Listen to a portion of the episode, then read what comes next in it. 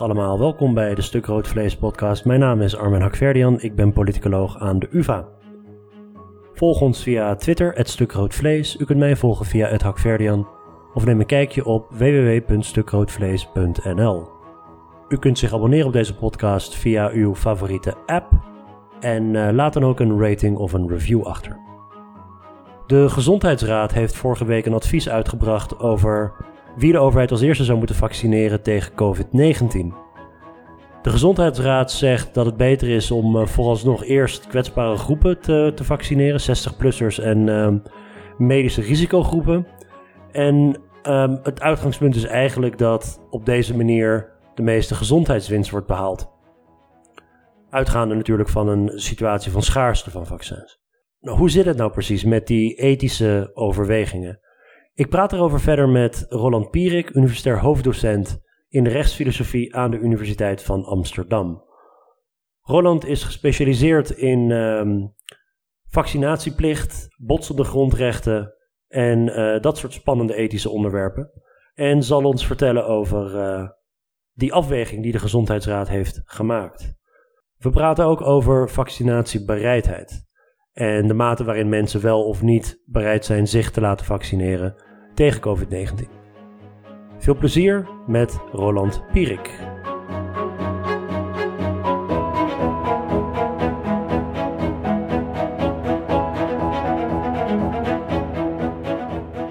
Goedenavond Roland, welkom bij de podcast. Goedenavond. Welkom terug, moet ik zeggen. Ja. We hebben een, uh, een, een vroege aflevering opgenomen over, uh, over vaccineren. Dat ging meer over de antivaxbeweging en, en vaccinaties tegen, tegen mazelen en dat soort, uh, dat soort zaken. Ik zou zeggen, luister hem terug, mocht u hem niet geluisterd hebben. Maar um, vandaag gaan we het vooral hebben over de vaccinatiediscussie rondom het COVID-vaccin. Voordat we dat doen, kun je misschien kort uitleggen waar jij zo al mee bezig bent in je, in je onderzoek? Ik ben rechtsfilosoof en mijn onderzoek in principe gaat over botsende grondrechten. En tot vijf jaar geleden waren dat allerlei verschillende botsende grondrechten, vrijheid van religie, allerlei andere cases. Ik werk al heel vaak vanuit een concrete uh, juridische of politieke discussie. Ik heb veel geschreven over de Lautsi-zaak voor het Europees Hof van het Recht van de Mens. Maar Wat is dat precies? De Lautsi-zaak was de zaak waarbij de, um, de Italiaanse overheid verplicht om in openbare scholen het kruisbeeld in alle klaslokalen op te hangen. Ah. Er was een atheïstische moeder en die vond het in strijd met haar vrijheid van religie dat haar kinderen op de openbare school onderwijs kregen in een klaslokaal met het kruisbeeld. Nou, dat is een ja, ja. klassieke discussie over um, nation building en hoe ver religie binnen de nation building een rol speelt. Nou, Italië zei van ja, de katholieke kerk is, de, is natuurlijk de, de, heel belangrijk geweest binnen onze nation building. Nou, dat vond ik heel interessant. Uh, vijf jaar geleden, in 2013, heb ik mijn eerste artikel gesneld, al eerder dus, geschreven over vaccineren van kinderen. Ik vond het interessant toen. Dat was toen bij, de, bij een eerste uh, mazelenuitbraak, of nou, bij een recente mazelenuitbraak op de Bijbelbelt. En toen realiseerde ik me dat dit eigenlijk een heel interessante casus was. En ik heb er meer over geschreven. Nou, in de loop van de tijd is die maatschappelijke discussie daar ook over ontbrand. Uh, ik ben er ook gevraagd om in de gezondheidsraad te gaan zitten, omdat ze naast al die medici en al die epidemiologen ook iemand wilden hebben die wat, snapte over de, juridische vragen, de normatieve vragen. En eigenlijk ben ik al een jaar of vier vooral met dit onderzoek bezig. Ik doe nu ben nu net een onderzoek aan het afronden, iets heel anders, over de vraag um, spanning tussen, uh, het gaat over de bloedbank sanguin, die mannen die seks hebben met mannen uitsluiten van donatie. Uh, en ik heb voor sanguin een onderzoek geschreven samen met Marcel Verwij, waarin we de botsing tussen de grondrechten van mannen die seks hebben met mannen, om niet gediscrimineerd te worden, uh, afwegen tegen het grondrecht van mensen die bloedproducten krijgen om gezonde bloedproducten te krijgen. Dus hoe moet je die, die belangen van die uh, homoseksuele mannen die willen doneren afwegen tegen het risico dat het oplevert voor mensen die het bloed ontvangen. Maar eigenlijk is mijn grootste onderzoek al heel lang de vaccinatieregulering. Uh, Eerst de vaccinatie van kinderen vooral, de mazelen discussie. Maar nu COVID gekomen is, is het eigenlijk interessant, een interessante aanvulling. Want die kindervaccinatie gaat vooral over kinderen en mogen ouders hun kinderen uh, de vaccinatie onthouden. Hier gaat het over volwassenen die zelf de keuze kunnen maken. Nou, dan krijg je allerlei nieuwe vragen en dat is super interessant. Ja, ja dus uh, als jouw voornaamste, laten we zeggen, uh, academische passie zit, zit in die botsende grondrechten. Laten we maar meteen overstappen dan op die discussie rondom COVID. Welke grondrechten botsen hier? Nou, wederom het, het, het recht op gezondheid. Kijk, de, de, gedachte is dat als, als het vaccin er is. De eerste vraag is die, die nu speelt, waar we ook in de gezondheidsraad over gepraat hebben. Um, er is enorme nood aan vaccinaties. Uh, die vaccins zullen pas in, uh, in mondjesmaat het land binnenkomen. Wie heeft als eerste het recht op het vaccin? Of wie is het, wat is het slimst om als eerste het vaccin te geven? Nou, dat is één normatieve vraag. Een andere normatieve vraag krijgen we een stukje later als er voldoende vaccins zijn.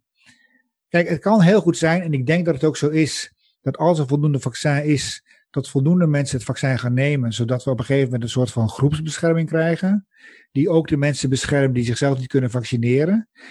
Uh, en dan is eigenlijk het probleem opgelost. Want dan, ja. uh, bij, ze zeggen dat tussen 60 en 70 procent van de bevolking, als die gevaccineerd is, ja, dan is COVID er zodanig onder dat we eigenlijk bijna alles weer kunnen doen wat we vroeger konden doen.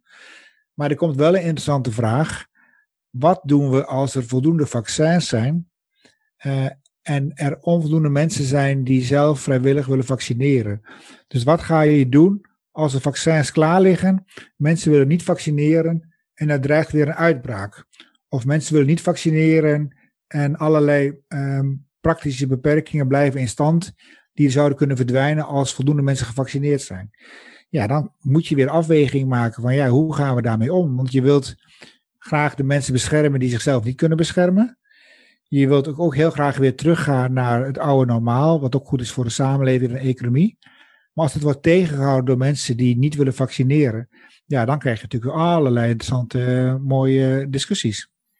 Die, uh, uh, het recht op, op lichamelijke integriteit heet dat toch? Ja, de, ja. Het beroep, de, mensen doen beroep op, op dat principe om te zeggen: ik wil niet dat het uh, gevaccineerd wordt. Ja, ja. En daartegenover weegt dan het, het, laten we zeggen, het, het collectieve recht op.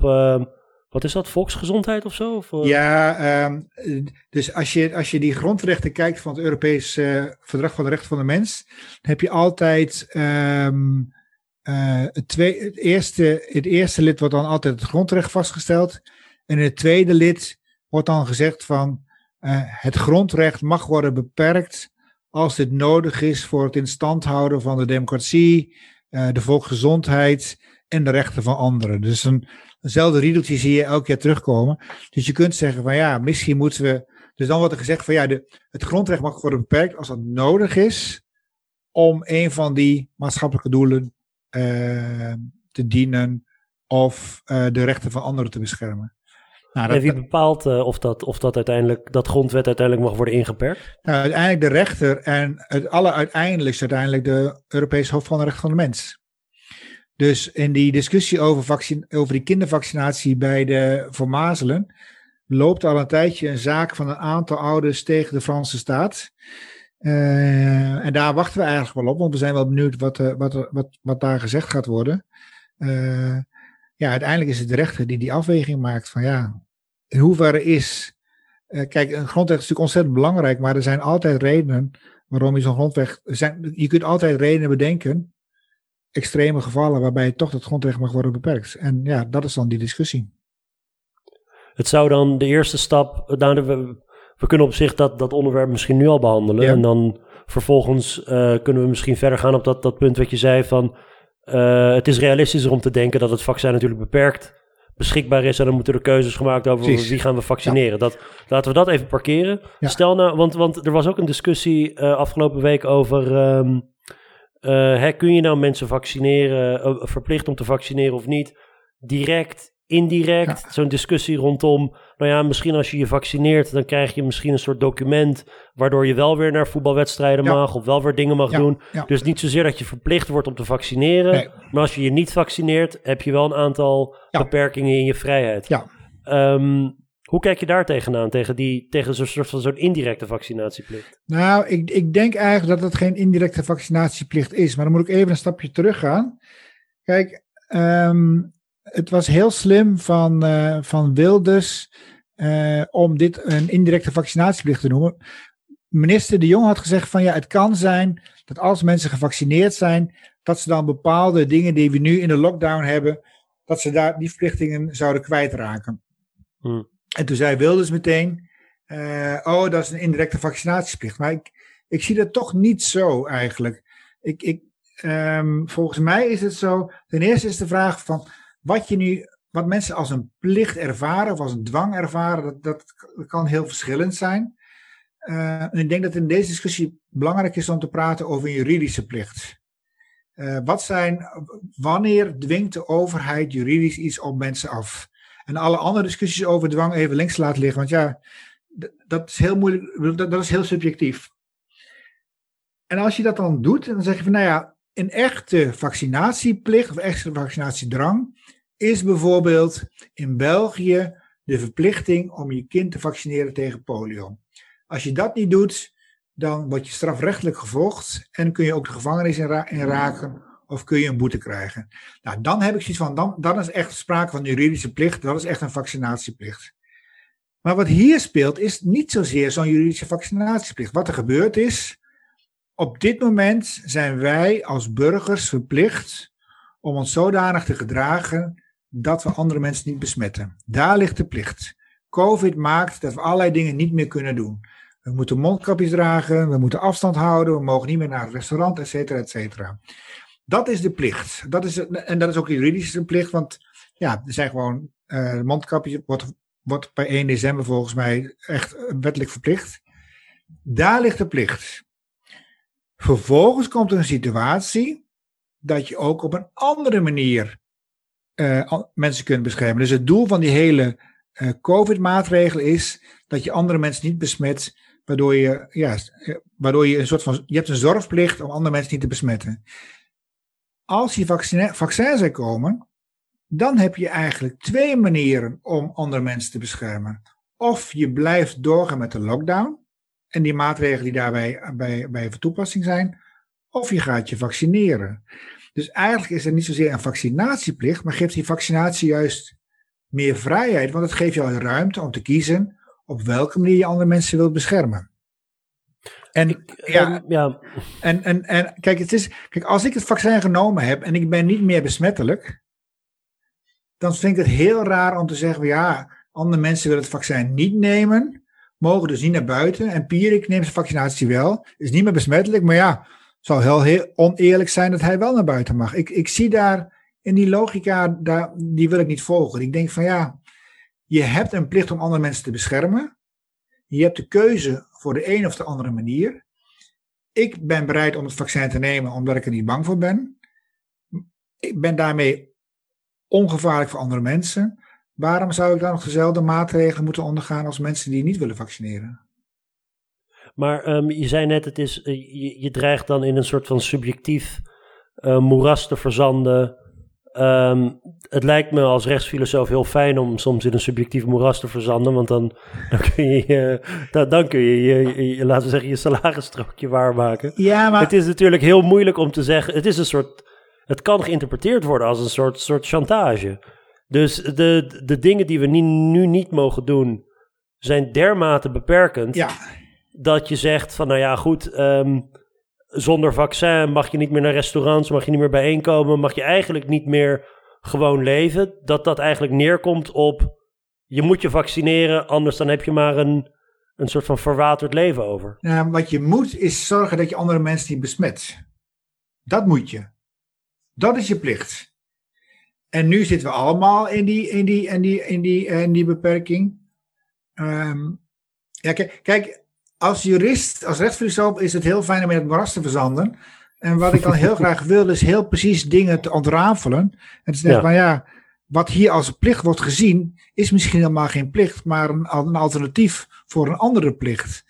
En wat, mijn, wat ik dan vooral zou willen doen, is proberen die argumentatie te ontrafelen en te laten zien dat wat mensen als plicht ervaren misschien, juist helemaal geen plicht is. juist een extra mogelijkheid. Kijk, het probleem is, die plicht zit in die, in die, in die COVID-maatregel. Maar eh, even andersom, Armen. Stel, stel dat, jij, dat jij het vaccin wel neemt en ik niet. En je bent gewoon niet meer besmettelijk.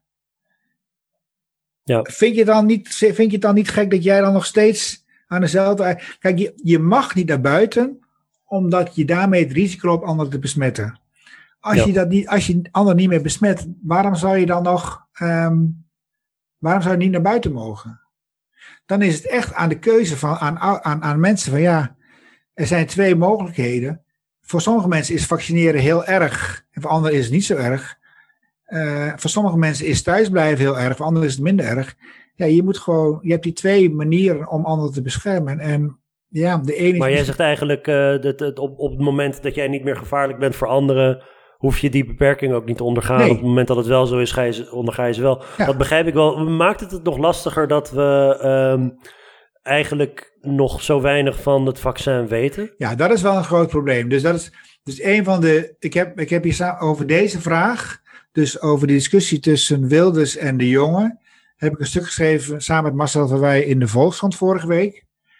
En daar gingen wij nog uit van de veronderstelling dat als je het vaccin neemt, dat je dan in ieder geval een, lange tijd minder besmettelijk bent. Net zoals geldt voor mazelen, et cetera, et. Als je een mazelenvaccin hebt genomen twee keer, dan, uh, dan ben je, dan ben je 99% ongevaarlijk voor andere mensen. Nu blijkt het bij dit vaccin iets anders te zijn. Dus het kan zijn dat uh, het vaccin minder categorisch beschermt dan we zouden hopen en zouden verwachten. Dan wordt de discussie alweer moeilijker. Of het kan zijn dat als je, als je um, gevaccineerd bent, dat je maar een paar maanden beschermd bent en daarna minder. Dus ja, dit is echt, dit is we learn on the fly. We, de, de, vaccins komen nu uit. We hebben nu al wel heel veel kennis over het effect van de ziekte zelf. We verwachten dat het, uh, dus als je mensen de ziekte doorlopen, wat dan de effecten zijn op hun besmettelijkheid op andere mensen. Nou, we verwachten dat bij vaccin ongeveer even sterk die bescherming zal zijn. Maar ja, we moeten het gewoon nog zien wat er gaat gebeuren. Dus het, blijft allemaal nog. Dus in die zin was het ook een beetje een voorbarige discussie. Omdat we gewoon heel veel dingen nog niet weten. Maar het is ook op een andere manier een voorbarige discussie, denk ik. Omdat ik eigenlijk denk dat als het vaccin er komt en het biedt een goede. Een het biedt de bescherming die de medici denken dat het gaat bieden dan verwacht ik eigenlijk dat we niet in zo'n situatie terechtkomen dat er voldoende vaccins voorradig zijn en dat mensen ze niet nemen en dat we daardoor weer in een lockdown komen. Ik geloof daar niet in. Je ziet nu best wel heel veel stukken in de krant staan dat, mensen, dat 30% of 40% van de mensen zeggen we gaan het niet nemen. Maar ik denk dat dat vooral een voortkomt uit het feit dat mensen nog helemaal niet weten wat het vaccin doet, want we weten gewoon nog helemaal niet en dus ja, je kunt nu al mensen vragen, ga je een vaccin nemen, maar we weten niet wat het gaat doen. Ja, ja ik zou het Dan krijg je twijfel. Ja. ja, ik zou het nu ook niet nemen. Maar wat er gaat gebeuren straks is dat, nou ja, ze zien er allemaal heel goed uit. De bescherming lijkt goed te zijn, de bijwerking. Je hebt wel een bijwerking als je het vaccin neemt. Uh, en dat is helemaal niet zo raar, want je lichaam, als je het vaccin krijgt, lijkt je lichaam, shit, dit is ernstig. Ik moet, uh, ik moet uh, aan de slag. Ja, dat is gewoon dezelfde koortsreactie die je altijd hebt. Maar dat is niet slecht, dat is juist goed, want dan zie je dat je lichaam echt aan de slag gaat om je te beschermen tegen als het echt zover is. Maar lange bijwerkingen, wat ik uit de verhalen hoor, zijn die er niet. Uh, dus waarschijnlijk is, is er, heeft het vaccin gewoon een goed verhaal.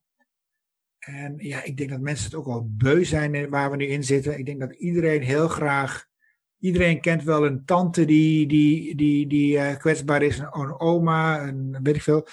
Dus mensen willen graag weer terug naar het oude leven. Mensen willen graag mensen om hen heen beschermen. En wat je straks ziet, er komt de eerste batch met vaccins, komt er een paar miljoen. Nou, dan gaan we, wordt de eerste groep mensen wordt gevaccineerd. Nou, dan zie je, dan hoop, als het vaccin goed is, dan zul je zien dat het gewoon heel effectief werkt. En dat er nauwelijks bijwerkingen zijn. Nou, en dan verwacht ik dat zodra er meer vaccins beschikbaar komen, dat, dat die weerstand ook wel verdwijnt. Want mensen ja, die bereidheid zal vanzelf omhoog gaan als er meer informatie over precies, is. Nog even een um, laatste punt over die, die, die plicht. Ja. Uh, voordat we overgaan naar de, daadwerkelijk wat er daadwerkelijk gaat gebeuren straks met die vaccins. Maar, de, uh, zeg maar het verschil tussen vaccinatieplicht voor kinderen en, en volwassenen. Hè? Daar, Ja. daar zinspeelde je kort op. Ja, Ehm, wat is dus eh, een, een volwassene kan zeggen: Ik wil dit niet. En een volwassene die kan beslissen over zijn eigen lichaam. Ja. Kinderen die kunnen niet over hun eigen lichaam beslissen. Dat Ja. doen ouders voor ze. Ja. Dus die kinderen moeten beschermd worden tegenover hun ouders. Terwijl volwassenen niet tegenover zichzelf hoeven te worden beschermd. dus je kunt, je kunt zeggen van, eh, kijk, een heel goed voorbeeld is tetanus. Eh, dat is geen besmettelijke ziekte. Daar moet je als volwassene tegen vaccineren elke vijf jaar als je weer een spijker hebt getrapt.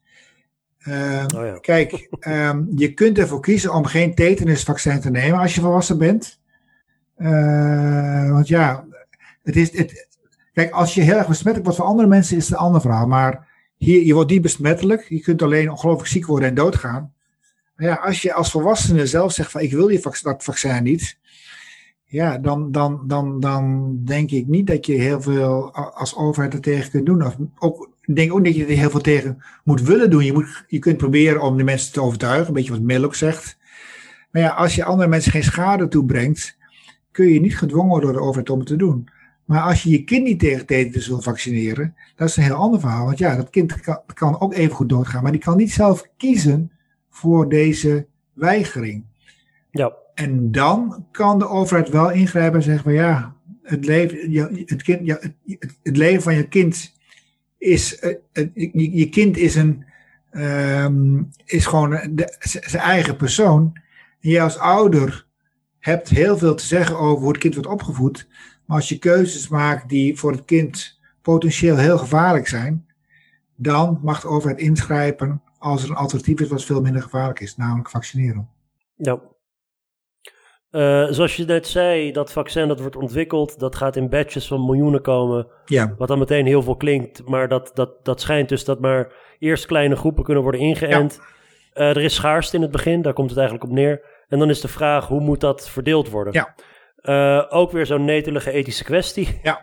Ehm, wat, wat, wat zijn nou, als je wil gaan nadenken over die, die verdeelsleutel, een aantal van die ethische principes die je zou moeten meenemen? Nou, één, één ehm, je ziet dat zowel de Nederlandse Gezondheidsraad als vergelijkbare instanties in andere landen eigenlijk twee of drie overwegingen hebben. De ene is, je kiest er primair voor om de mensen die het meest kwetsbaar zijn, om die als eerste te vaccineren. Dat mocht dan het vaccin bij ze komen, dat ze dan beschermd zijn. Een andere strategie is dat je de mensen die het meest eh, ehm, bijdragen aan de verspreiding van het vaccin, dat je die als eerste vaccineert. Dat zou in Nederland de kinderen tussen 24 en 30, oh nee, nee de kinderen, de, de, de jongeren tussen 24 en 30 zijn. Het kunnen ook iemands kinderen zijn. Ik, ik, er zullen altijd iemands kinderen zijn, inderdaad. ja. Ja. Een derde strategie is dat je vooral gaat kijken dat je probeert om de vitale eh, functies van de samenleving overeind te houden. Dus dan betekent dat je vooral gaat vaccineren in de ziekenhuizen, eh, misschien wat onderwijs, voedselvoorziening. Dus dan ga je kijken, wat zijn nou vitale, wat moet in ieder geval overeind blijven om de samenleving te laten draaien. En die mensen ga je beschermen. Ja, er zijn allerlei overwegingen bij dit soort, ook hele technische overwegingen. Dus een van de overwegingen, dus je, je kunt kiezen om vooral de kwetsbare mensen te vaccineren. Nou, dat blijkt. Maar, maar dat is een soort axiomatisch van, ehm, dat, dat, is, dat is moreel om te doen? Ja. Of wat, wat zit erachter? Eh, nou ja, kijk, het, eh, kijk, eh, het is natuurlijk niet, het is niet heel moeilijk te begrijpen dat, het, dat, je, dat we moreel vinden dat de mensen die het meeste risico lopen om te sterven als ze de ziekte krijgen, dat je die als eerste beschermt. Eh, dat zou ook heel utilitaristisch kunnen, utilitaristisch kunnen worden verdedigd. Dat je gewoon daarmee het grootste aantal mensenlevens redt. Want die andere mensen, die zullen het wel overleven. Deze mensen vallen meteen neer. Ja, dat zou, dat zou één utilitistisch argument zijn. Een tegenargument is weer dat als die mensen al heel erg oud zijn, dan heb je nog maar een paar, levens, paar levensjaren die je kunt redden. Terwijl als je jonge mensen kunt beschermen tegen sterven, dan, eh, dan red je veel meer levensjaren. Ja, dat is weer een andere overweging. Dus dat is echt gewoon ontzettend moeilijk. Eh, en wat, wat er ook nog wel complex is, dat oudere mensen, hun ehm, ehm, immuunsysteem is een beetje op. Dus bij jonge mensen, als je een vaccin neemt, dan gaat het immuunsysteem meteen stijgen en aan de slag. Maar bij oudere mensen is het immuunsysteem eigenlijk ja, niet meer zo actief. Dus het is maar de vraag of vaccineren deze mensen helpt. Want het kan zijn dat het vaccin eigenlijk niet meer de immuunrespons oproept die je graag zou willen. Ja, en dat weten we eigenlijk nog niet. Dus we kiezen nu wel om, om die oudere mensen en, en mensen met, uh, met, met onderliggende ziektes, om die als eerste te gaan beschermen. Maar we zullen dus heel goed moeten kijken in hoeverre het vaccin deze mensen beschermt. Uit de berichtgeving eh, dacht ik uh, te kunnen waarnemen dat, het, dat ze natuurlijk wel toetsen op verschillende leeftijdsgroepen. En dat dat bij die eerste paar vaccins, dat het blijkbaar ook effectief was voor oudere mensen. Ja, effectief maar... genoeg. En uh, dus, dat, dus, dus, um, dus het, het, is even de vraag van hoe, hoe in hoeverre. Kijk, elk vaccin slaat anders aan bij mensen. En ze moeten nu even kijken. Kijk, het wordt vooral getest op jongere mensen. Dus die, die oudere mensen zitten wat minder in de test dan je zou willen. Vooral omdat je deze vraag moet beantwoorden. Dus in de eerste fase van de testen. En dan wordt nu gewoon on the fly wordt dat onderzocht. En, ja, want als dan op, op een gegeven moment als je zegt van zelfs als je uit zou gaan van het principe we moeten mensenlevens redden, ja. dan is het misschien effectiever, zeg jij, als dat vaccin vooral bij jongeren aanslaat, om jongeren in te enten en ervoor te zorgen dat die ouderen niet besmet raken. Precies. En niet zozeer om de ouderen in te enten. Precies, precies. Dat is dan een directe bescherming van mensenlevens van, van oudere mensen. Ja, ja dus dan, dan, dan, dan, dan, dan bescherm je ze op een andere manier. Maar daar is het probleem een beetje dat die jongere mensen zelf veel minder last hebben van de ziekte. Uh, en dus ook de vraag is of, of die mensen nou, waarom zouden ze zich willen vaccineren als ze er zelf weinig belang bij hebben?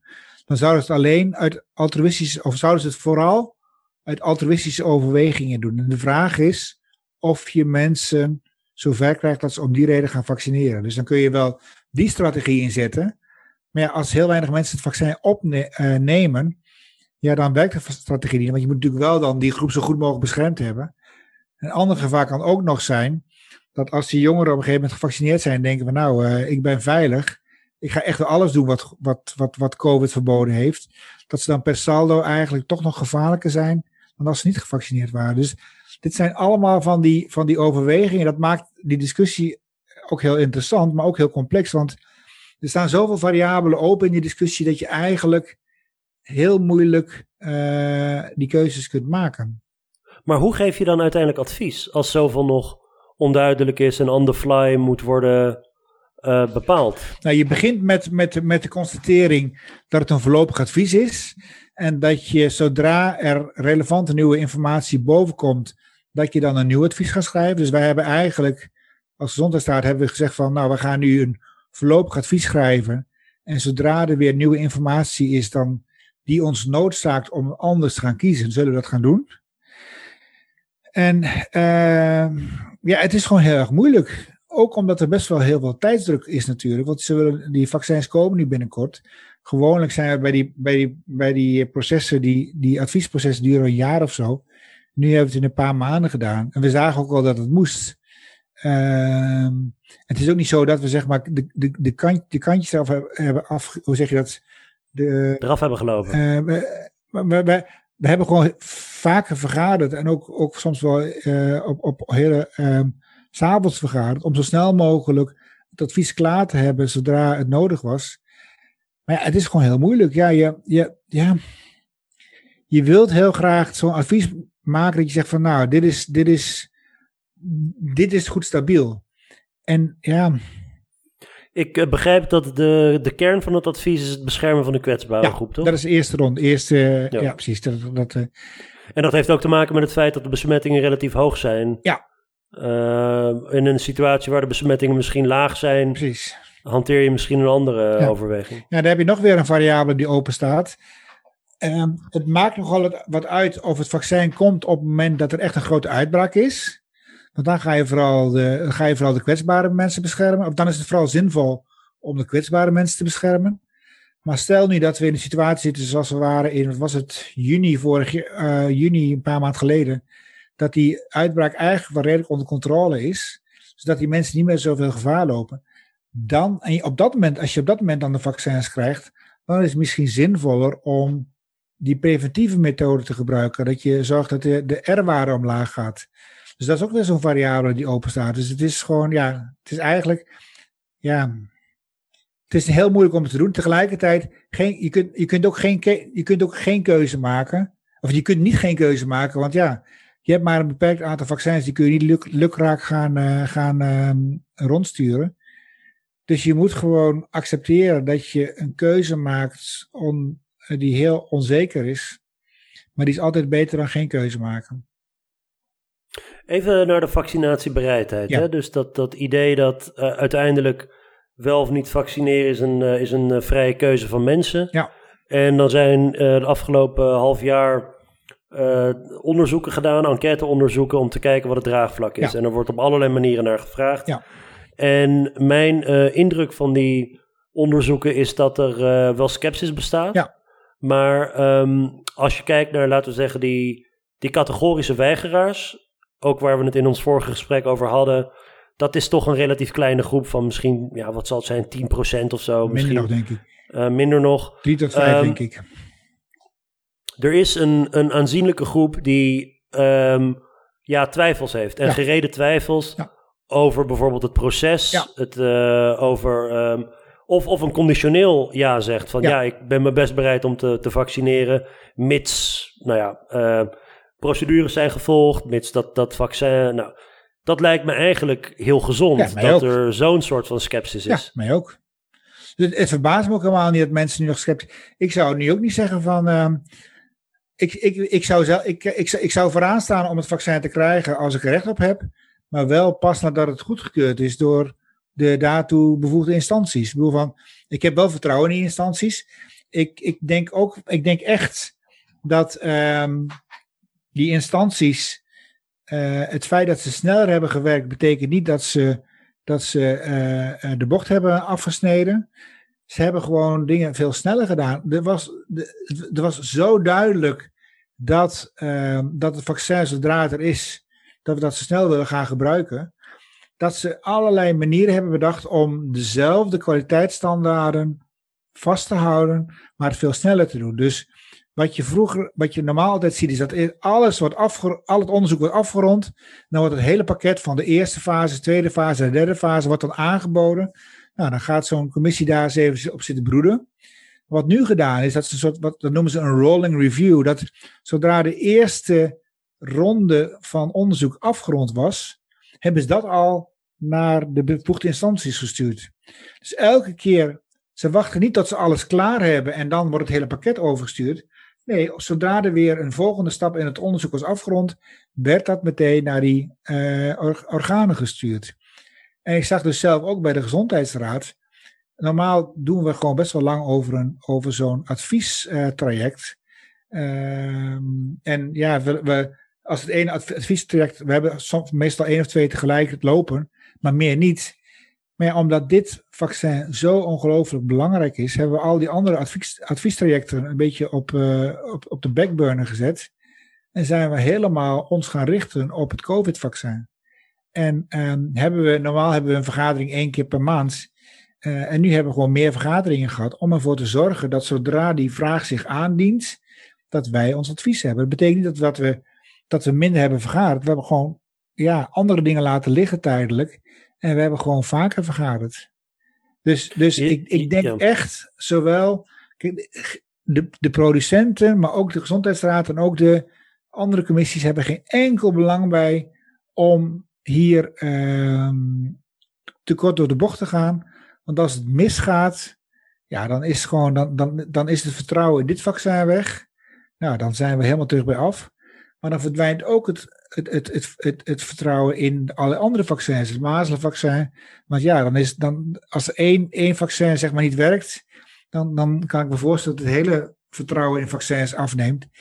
Ja, en dat is het laatste wat je wilt. Dus je wilt ook gewoon, ja, je bent gewoon een professionele organisatie. Je wilt gewoon wel je kwaliteitsstandaarden houden. Dus ik, ik, ik, ik, ja, ik denk dat we, dat, dat, dat ik snap dat mensen denken van, oh, er, zal wel, zullen wel bochten zijn afgesneden. Het is echt niet zo, want ja, het past niet bij je professionele standaard. En het blijkt dus dat je dit soort processen gewoon heel snel kunt doen. Hetzelfde als dat je naar het ziekenhuis gaat. Op een gegeven moment, als je een operatie gepland hebt, of als je een operatie, eh, een, een, zeg maar, een niet, niet, niet acute operatie eh, nodig hebt, nou, dan, dan, nou dan, dan ga je in de wachtreis en dan krijg je na twee, drie weken of een maand of twee maanden krijg je een uitnodiging. Maar mijn zoon die viel laatst van zijn fiets, had zijn arm gebroken. Ja, die gaat er meteen tussendoor. Dus als het nodig is, kan er dit soort dingen heel snel. Het is niet zo dat die operatie van mijn zoon na één dag minder goed gegaan is dan, dan die operatie waar je lang op wacht. Maar soms kunnen processen veel sneller gaan zonder dat je aan, aan kwaliteit in moet. Je, je, je zei net ehm, eh, vertrouwen in de overheid. Ja. Dat, dat, jij, dat jij vertrouwen hebt dat de instanties die eh, dit reguleren. Ja, een gigantische industrie natuurlijk, een farmaceutische Ja, ja, industrie. Ook een industrie waar in het verleden nog wel eens wat misstanden zijn, ehm, zijn gevonden. De, dat moet gereguleerd worden door de overheid. Nu is het natuurlijk geen. ehm, eh, het is geen toeval dat je bij die onderzoeken naar vaccinatiebereidheid ziet dat vertrouwen in de overheid een van de Ja. Predictoren, eh, voorspellers Ja. is van vaccinatiebereidheid. Nu weten we als politicologen dat, dat, die, eh, dat wantrouwen in de overheid, dat is ook niet gelijk verdeeld in het politieke spectrum. Nee. Dus je hebt ook een aantal partijen die ehm, dat wantrouwen mobiliseren. Ja. Ehm, dat kan er wel voor zorgen dat ook de, eh, de overtuigingskracht van argumenten eigenlijk niet aankomt bij een groep burgers. Ja, en dat is En dat is wel zorgwekkend natuurlijk. Dat, dat de, de boodschapper is de overheid. Eh, de overheid is ook degene die dit proces allemaal moet, moet zien te monitoren. Ja. Nu is in Nederland over het algemeen politiek vertrouwen hoog. Dus eh, ik verwacht daar niet heel veel problemen van. Maar het is niet een, een, een, een groep die zo. Het is niet een marginale groep. Nee, maar ik heb, als ik naar de Nederlandse politiek kijk, was voor mij de enige die echt een beetje flirte met die mensen, was Baudet. Ik heb niet het gevoel, ook niet zeg maar, de christelijke partijen, die, die, die hebben nooit met, iets met die engel gedaan. Dus ik denk dat in Nederland het toch wel meevalt. Maar ik denk ook wel, kijk, weet je. En een land dan als Amerika is dat wel een. ja, dat wel, ja, nee, dat is, dat is, Ja. maar ja, uiteindelijk is, is, is, kijk, uiteindelijk is, is Trump niet herkozen. Dus dat, daar haal ik dan toch maar weer mijn hoop dat het misschien... Controversieel. Controversiële uitspraak, Roland. Zeg je? ja, Controversiële uitspraak. Volgens Trump wel, volgens Trump wel maar, maar, maar weet je, ik, kijk, het is nog een ander verhaal. Hè? Dus het, het verhaal van de HPV-vaccinatie. Dus de, de, de, de, de, het, het, het, eh, ehm, eh, eh, de vaccin dat voorkomt dat vrouwen op hogere leeftijd baarmoederhalskanker krijgen. Nou, toen dat vaccin werd ingevoerd, toen dacht de overheid van, nou mooi, we gaan het vaccin, we gaan het vaccin aanbieden. En mensen die, die, die, de kinderen komen met bosjes op ons af om het vaccin te halen. Dat viel heel erg tegen in het begin. Omdat er heel veel, eh, ten eerste, omdat het effect van het vaccin pas heel ver in de toekomst was. Dus het gaat dan tegengaan van een, eh, je, je vaccineert kinderen tussen de, de 8 en 13 jaar. Nee, tussen de, op een 13e was het toen nog. Eh, en die ziekte die gaat pas komen eh, nou, vanaf meer dan 30 of zo. Dan, dan, dan, dan komen de eerste gevallen van. Ja, ik, weet niet. Maar in ieder geval heel, stuk verder in hun leven. Ehm, het was ook een heel probleem dat ehm, HPV ook heel, heeft ook te maken met seks. Van, je kunt alleen HPV krijgen als je seks met andere mensen hebt. Heel veel mensen vonden het totaal ehm, ehm, onmenselijk om een kind daarvoor te vaccineren. Eh, ook heel veel verhalen over bijwerkingen. Nou, daar heeft de overheid zich totaal in vergist. Die dacht van nou, die mensen nemen het vaccin, wat komt wel goed. Nu, tien jaar later, zie je dat dus inderdaad ehm, het vaccin ongelooflijk effectief is tegen die baarmoederhalskanker. Je ziet dat die bijwerkingen waar altijd over gepraat werd, dat die er niet geweest zijn. En dan zie je toch wel dat op een gegeven moment toch dat de vaccinatiegraad wel omhoog gaat. Dat mensen dan toch zien van, ehm, ja, het werkt echt heel goed. Er zijn geen bijwerkingen. Laten we het toch maar doen. En ik denk dus eigenlijk hebben we met deze COVID-vaccin wel een hele mooie situatie om die, om die weerstand tegen te werken. Omdat je, het vaccin komt in, in verschillende batches. Nou ja, er zijn genoeg mensen die die eerste vaccin zou willen nemen.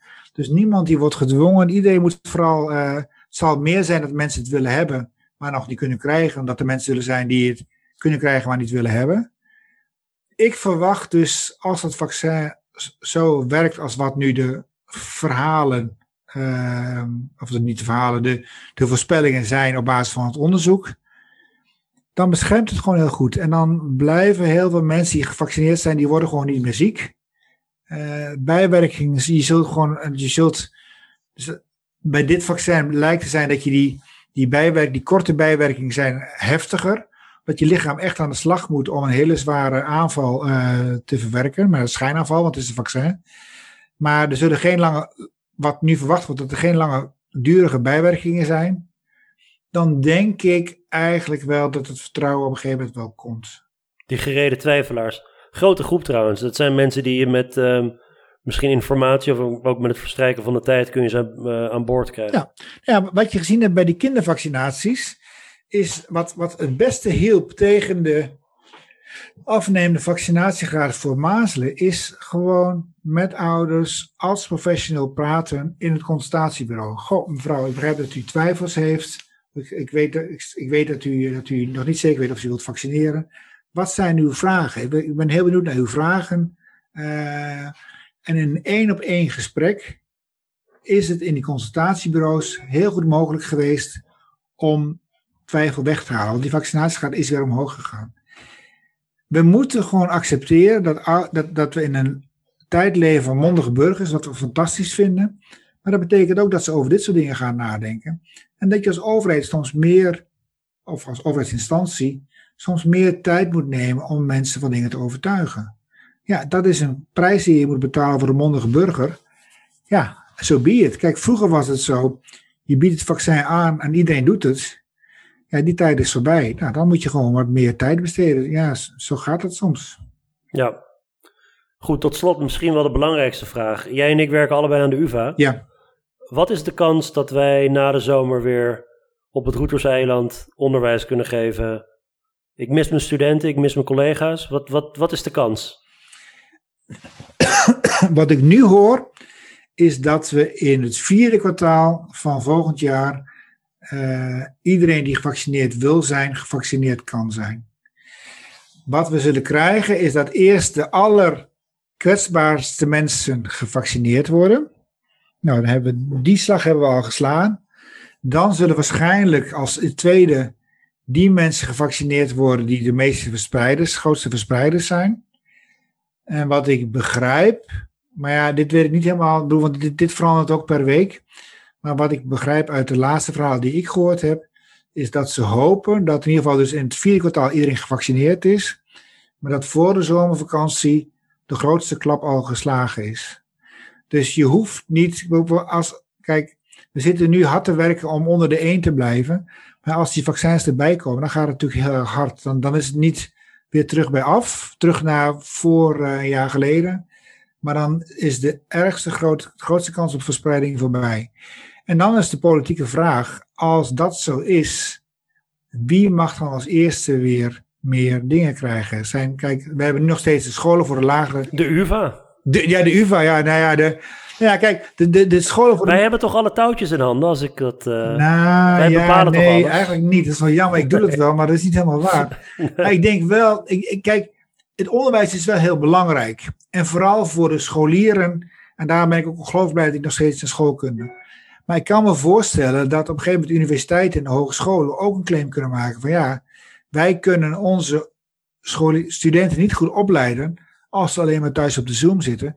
Dus wij zullen ook uh, onze, onze studenten weer terug moeten hebben. Maar dan zullen we moeten vechten met de cafés die weer open willen gaan, die niet failliet willen gaan. De restaurants die weer open willen gaan, die niet failliet, die niet willen gaan. Kijk, dat opspraak... Nou ja, als jij, dus zeg maar, jouw, jouw sequentie van, van groepen die ingeënt worden, eerst de kwetsbare, daarna de verspreiders. Ja. Of wat ik heb begrepen is dat onder die verspreiders, dat zijn toch veel jongvolwassenen ook. Ja. Nou, dan heb je meteen onze studenten. Ja, precies. Ja, dus dat, en dan is de vraag van, wanneer zijn de studenten aan de beurt? Dat is natuurlijk als eerste, als eerste politicologie studenten, vind ik. Ja, ja, dat zijn er niet zoveel. Dat is... Als laatste de sociologen. Nee, grapje. Sociologen, Kijk, juristen zijn er zoveel, dan moeten we een beetje wachten. Maar die ja. politicologen, die, ja, dat zijn er maar zo weinig. Dat, dat is echt... ja. Nou, je zal versteld staan hoeveel er zijn inmiddels. Um, Roland, heel erg bedankt voor je tijd. Mooi dan wel. Goed om even leuk om een beetje te praten. Um, om je te spreken. Als mensen je willen volgen, uh, kan via Twitter, toch? Ja, Roland Pierik, uh, gewoon Roland Pierik zonder puntje, streepje. Ja, zonder iets. Ja. Goed, um, u bedankt voor het luisteren. Tot de volgende keer.